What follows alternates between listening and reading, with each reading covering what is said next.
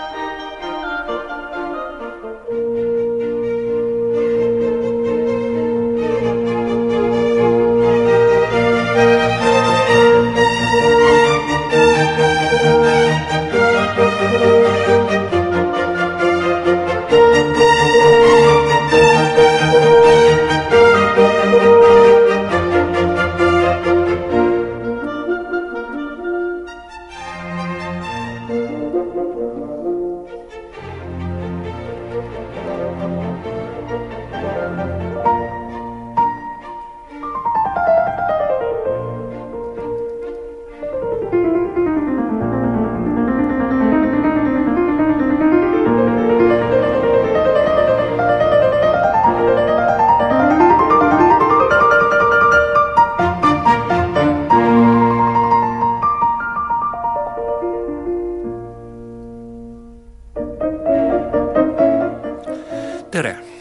stuudios on Igor Karstnik ning kuna sellel pühapäeval on juba esimene advent, siis oleme aastalõpu meeleoludes meiegi.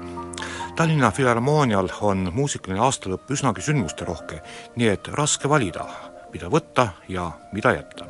tänases saates räägime kahest eelseisvast kontserdist, mis mõlemad peaksid vastama ka kõige nõudlikuma muusikagurmaani maitsele sest saate esimeses pooles tutvustame maestro Kalle Randalu varsti toimuvat muusikaõhtut ning saate teises pooles heidame pilgu Eesti legendaarse bassimehe Raul Vaigla eelseisvale esinemisele TAF Clubis. ent alustuseks siiski Kalle Randalust. nimelt toimub Mustpeade majas juba sellel pühapäeval, see on siis kahekümne üheksandal novembril, kontsert sarjas Tallinna Kammerorkestri kammermuusika seekordne muusikaõhtu kannab pealkirja Gurmaanidele ja selleks on ka põhjust, kuna publiku ette astub siis Eesti üks hinnatumaid pianiste Kalle Randalu, kes koos Tallinna Kammerorkestriga esitab Juha Kangase dirigeerimisel Wolfgang Amadeus Mozarti teoseid. sel pühapäeval saab Mustpeade majas Kalle Randalu esituses kuulata kahte Mozarti klaverikontserti, vastavalt siis G-moll ja F-duur aga ka Mozarti suurepärast triot B-tuur, mida tema mängutehnilise nõudlikkuse tõttu just väga sageli ei esitata. ent nüüd on siis selleks supersoodne kuulamisvõimalus igatahes olemas. nii et terve õhtu Mozarti muusikaga, seda peab kindlasti kuulama. usutavasti on Kalle Randalu sellise kaliibriga pianist, keda meie kuulajatele lähemalt tutvustama vist ei pea, aga seda tõsiasja ei pruugi ehk kõik teada, et alates kaheksakümnendate lõpus Saksamaal elav Kalle Randalu on praegu Karlsruhe muusikakõrgkooli professor. tema käe all on oma meisterlikkust lihvinud mitmed tuntud noored pianistid ja mitte ainult Saksamaalt, vaid ka mujalt maailmast. maailma muusikaloos on kuulsate pianistide seas välja kujunenud niimoodi, et pea igal kõrgtasemel pianistil on nii-öelda oma firmamärgi helilooja kelle teoste ettekandeid peetakse parimateks. näiteks legendaarse Kanada pianisti Glen Gouldi nii-öelda firmamärgiks oli Bachi klaverimuusika. teine omas ajas legendaarne pianist, kahekümnenda sajandi alguses tuntuks saanud prantslane Alfred Cortot, oli jälle maailmakuulus oma ületamatute Chopini tõlgenduste pooleks. ent Kalle Randalu muusikaliseks firmamärgiks on saanud Wolfgang Amadeus Mozart ja tema klaverimuusika. Peab märkima, et Randalu Mozarti esitused äratasid suurt tähelepanu juba siis, kui Kalle Randalu oli alles Tallinna konservatooriumi tulek see oli siis seitsmekümnendatel aastatel. hiljem lisandusid sinna Mozarti teoste esitused koos Neeme Järvi ja teiste kuulsate dirigentidega, eh, kellega Kalle Randalu on muusikalist koostööd teinud ning muidugi ka kõik need Mozarti helitööde arukad plaadistused üks asi, mida pea kõik muusikakriitikud kogu maailmas on Randalu Mozarti tõlgenduste puhul tunnustavalt ära märkinud, on tema mängu harukordne detailide rikkus. Need esituslikud detailid puudutavad ühtaegu nii filigraanset fraseerimist kui ka näiteks väga täpset pedaalikasutust ehk pedaliseerimist.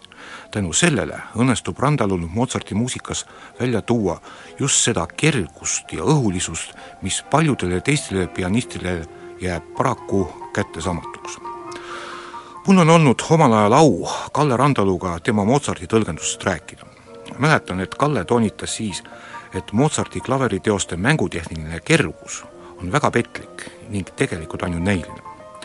Kalle Randulu rääkis tollal, et kuna Mozarti muusikas on peidus palju varjatud polüfooniat, siis pianisti üheks esmaseks ülesandeks on see häälte juhtimine esituslikult välja tuua. nüüd teine asi, mida Kalle Randulu igas Mozarti esituses väga oluliseks pidas, ilmselt peab ka praegu, oli vormijoonise selge tunnetamine ja kuulajateni toomine aga ma ei hakka praegu liiga erialast juttu rääkima.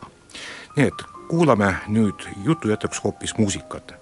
esimest osa Mozarti klaverikontserdist B-tuur esitajaks Murray Perahia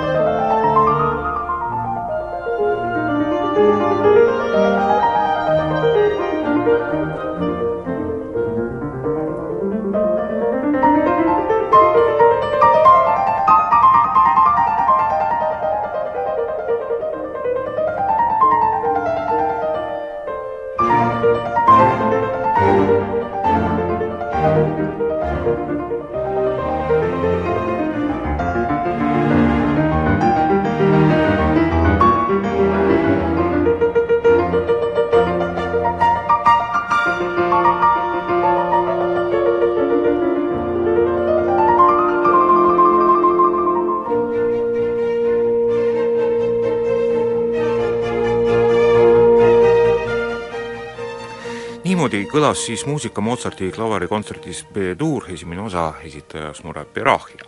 aga meie läheme oma jutujärjega nüüd edasi, kuna veel üks põnev muusikasündmus, mis tulemas, vajab lähemat tutvustamist. tegemist on džässi ja kirjanduse klubi Tough Club järjekordse muusikaõhtuga nimelt esineb Mustpeade maja keldrisaalis juba järgmise nädala neljapäeval, see on siis kolmandal detsembril, oma ansambliga Eesti kõige kuulsam bassimängija Raul Vaigla. temaga koos astuvad siis publiku ette veel laulja Marie Vaigla, kes on muuseas tema tütar, saksofonist Siim Aimla, Kaspar Salo trummidel ja Madis Muul klahvpillidel. ja oma luulet loeb sel õhtul muusikapalade vahele veel sõnakas Eesti noorpoeet Wimberg.